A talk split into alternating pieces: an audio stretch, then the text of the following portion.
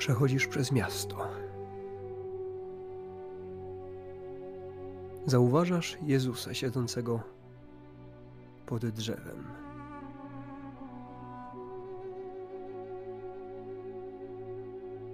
Zamierzasz do niego podejść, aby go posłuchać. Ale w tym momencie podchodzi do niego kilku saduceuszów, tych, którzy twierdzą, że nie ma zmartwychwstania i zadają mu pytanie. Podchodzisz nieco bliżej, aby przysłuchać się temu wszystkiemu, co dzieje się teraz w tym miejscu. A saduceusze mówią tak. Nauczycielu, Mojżesz tak nam przepisał. Jeśli umrze czyjś brat, który miał żonę, a był bezdzietny, niech jego brat pojmie ją za żonę i niech wzbudzi potomstwo swemu bratu. Otóż było siedmiu braci. Pierwszy pojął żonę i zmarł bezdzietnie. Pojął ją drugi, a potem trzeci, i tak wszyscy pomarli, nie zostawiwszy dzieci. W końcu umarła ta kobieta. Przy zmartwychwstaniu więc, którego z nich będzie żoną? Wszyscy siedmiu bowiem mieli ją za żonę. Zapadła chwila ciszy. Zauważasz, jak wzrasta w tobie ciekawość. Co Jezus odpowie? Wiesz, że zawsze bez problemu Jezus radził sobie z dyskusjami zarówno z uczonymi w piśmie, saduceuszami, faryzeuszami. Co powie Jezus dziś? Po chwili Jezus odpowiada: Dzieci tego świata żenią się i za mąż wychodzą, lecz ci, którzy uznani zostaną za godnych udziału w świecie przyszłym i w powstaniu z martwych, ani się żenić nie będą, ani za mąż wychodzić. Już bowiem umrzeć nie mogą, gdyż są równi aniołom i są dziećmi Bożymi, będąc uczestnikami zmartwychwstania.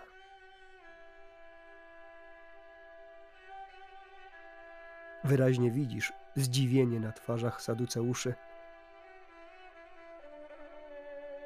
A Jezus kontynuuje swoją wypowiedź, dodając, że umarli zmartwychwstają i o tym Mojżesz zaznaczył tam, gdzie jest mowa o krzewie, gdy Pana nazywa Bogiem Abrahama, Bogiem Izaaka i Bogiem Jakuba. I dodaje, że Bóg nie jest Bogiem umarłych, lecz żywych. Wszyscy bowiem dla Niego żyją.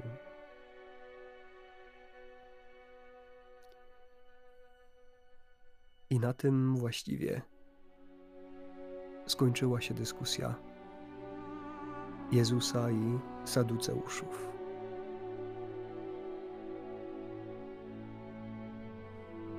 Odeszli nie pytając o nic więcej. Czy zrozumieli? Sam jeden Bóg wie. Czy mieli szczere intencje? Jezus też to doskonale wie. I pomimo, że nawet tak wiele razy ich intencje nie były szczere, to Jezus podejmuje dyskusję, tłumaczy. Bo wie, że w taki sposób wytrąca im argument, którego mogliby użyć, mówiąc, że Jezus po prostu ich zlekceważył.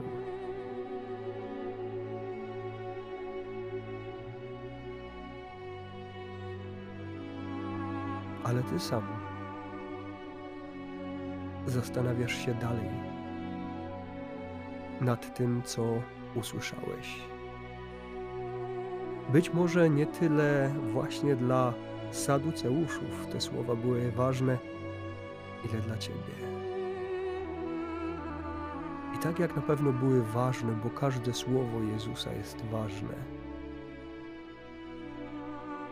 tak też były trudne do pojęcia.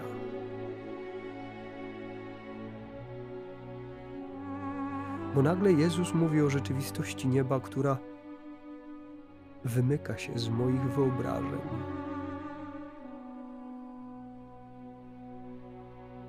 Która kreśli rzeczywistość zupełnie inną od tej, w której przecież żyje i funkcjonuje tutaj, na Ziemi.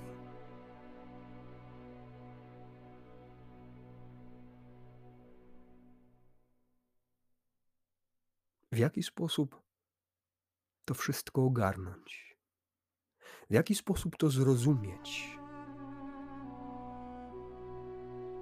Jak odnaleźć się w rzeczywistości słów Jezusa?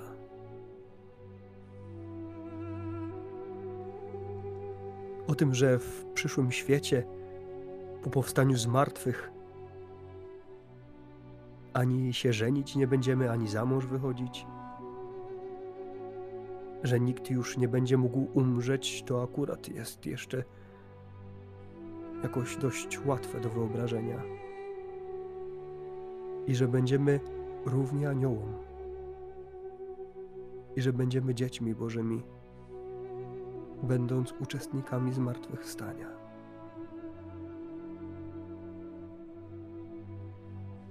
Będę równy aniołom to zapewnienie Jezusa. Nie będę jak anioł, bo przecież będę miał swoje przemienione ciało, a anioł jest czystym duchem. Ale będę mu równym, bo będę przebywał razem z nim w rzeczywistości nieba.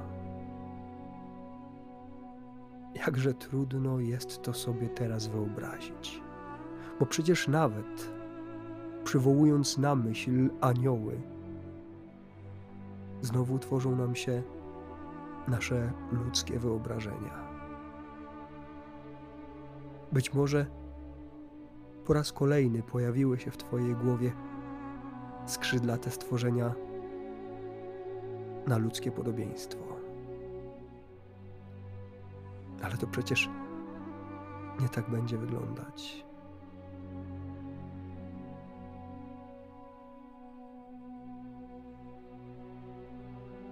I właściwie chyba by nam brakło czasu, gdybyśmy chcieli spróbować pojąć to, jak rzeczywistość nieba będzie wyglądać.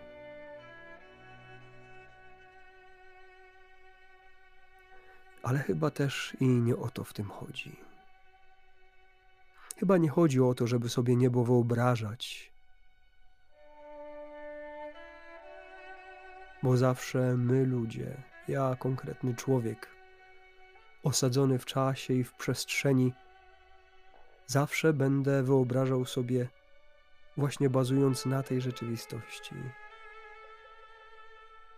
Tak trudno jest mi wyobrazić rzeczywistość bez czasu, rzeczywistość bez konkretnego miejsca. I chyba nie tyle ważne jest, aby to sobie wyobrażać, ile aby ufając słowom Jezusa, budzić w sobie tęsknotę za tą rzeczywistością.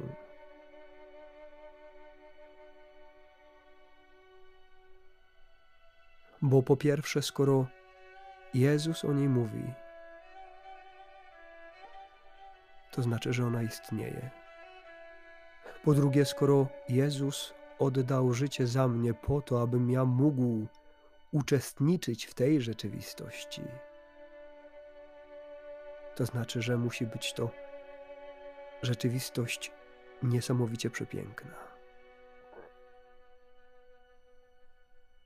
Że musi to być przestrzeń, w której doświadczę sumy wszystkich moich radości, sumy wszystkich moich najpiękniejszych doświadczeń, sumy całego szczęścia mojego życia,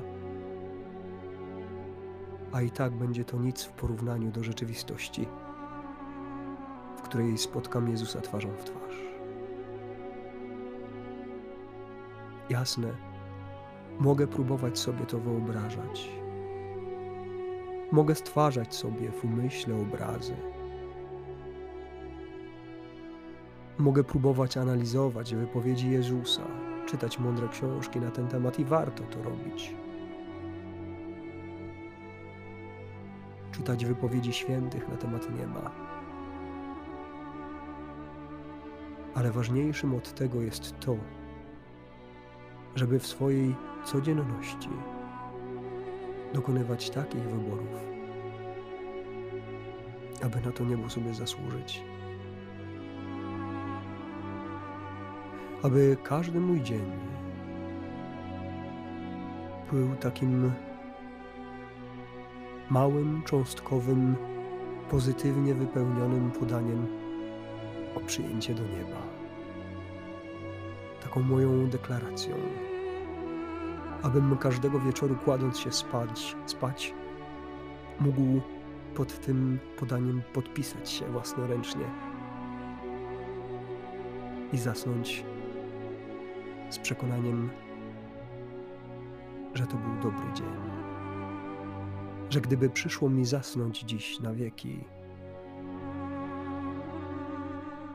to obudzę się w lepszej rzeczywistości bez strachu, bez bólu, bez tęsknoty, bez poczucia braku, bez cierpienia.